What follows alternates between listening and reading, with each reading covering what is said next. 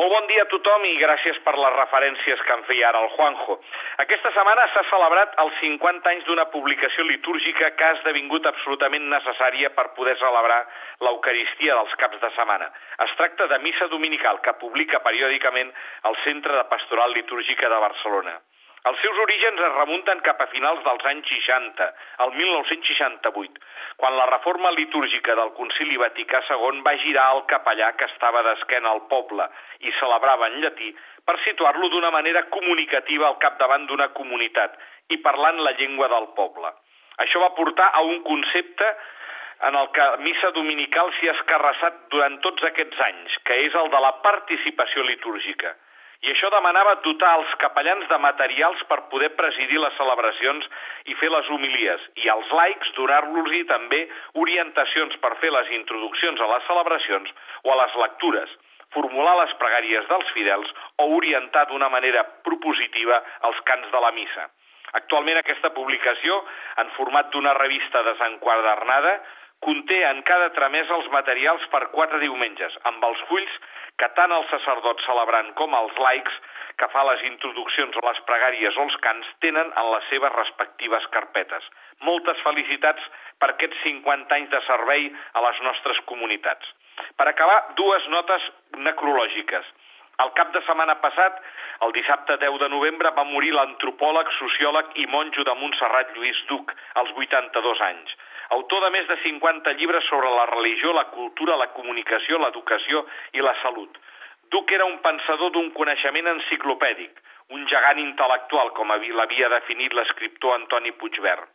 Havia nascut a Barcelona l'any 1936 i era doctor en Antropologia i Teologia per la Universitat de Tubinga i professor emèrit de la Facultat de les Ciències de la Comunicació de la Universitat Autònoma de Barcelona, de l'Institut Superior de Ciències Religioses Sant Fructuós de Tarragona i de l'Abadia de Montserrat.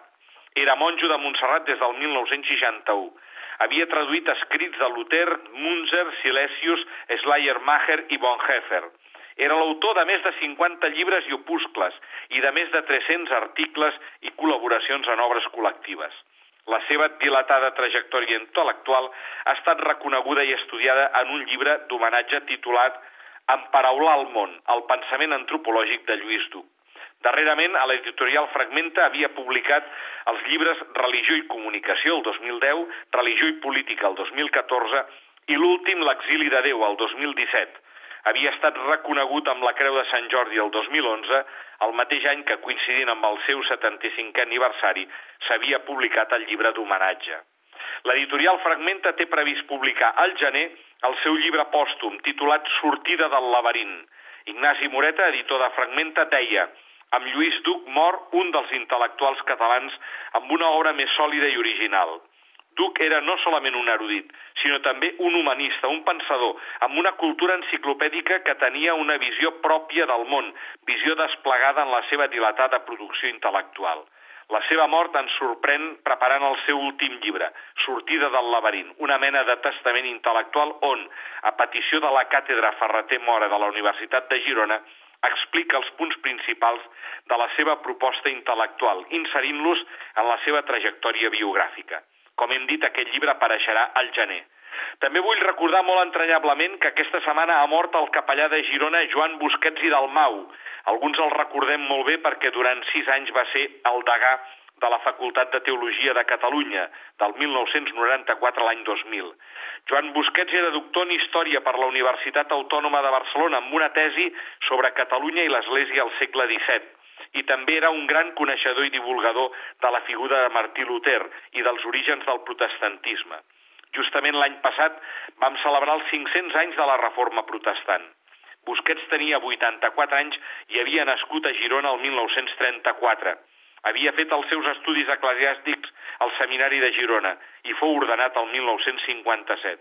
Després va poder seguir els seus estudis d'història a Roma i va tenir diversos càrrecs com a formador i rector del seminari, primer al Seminari de Girona i després en el Seminari Major Interdiocesà.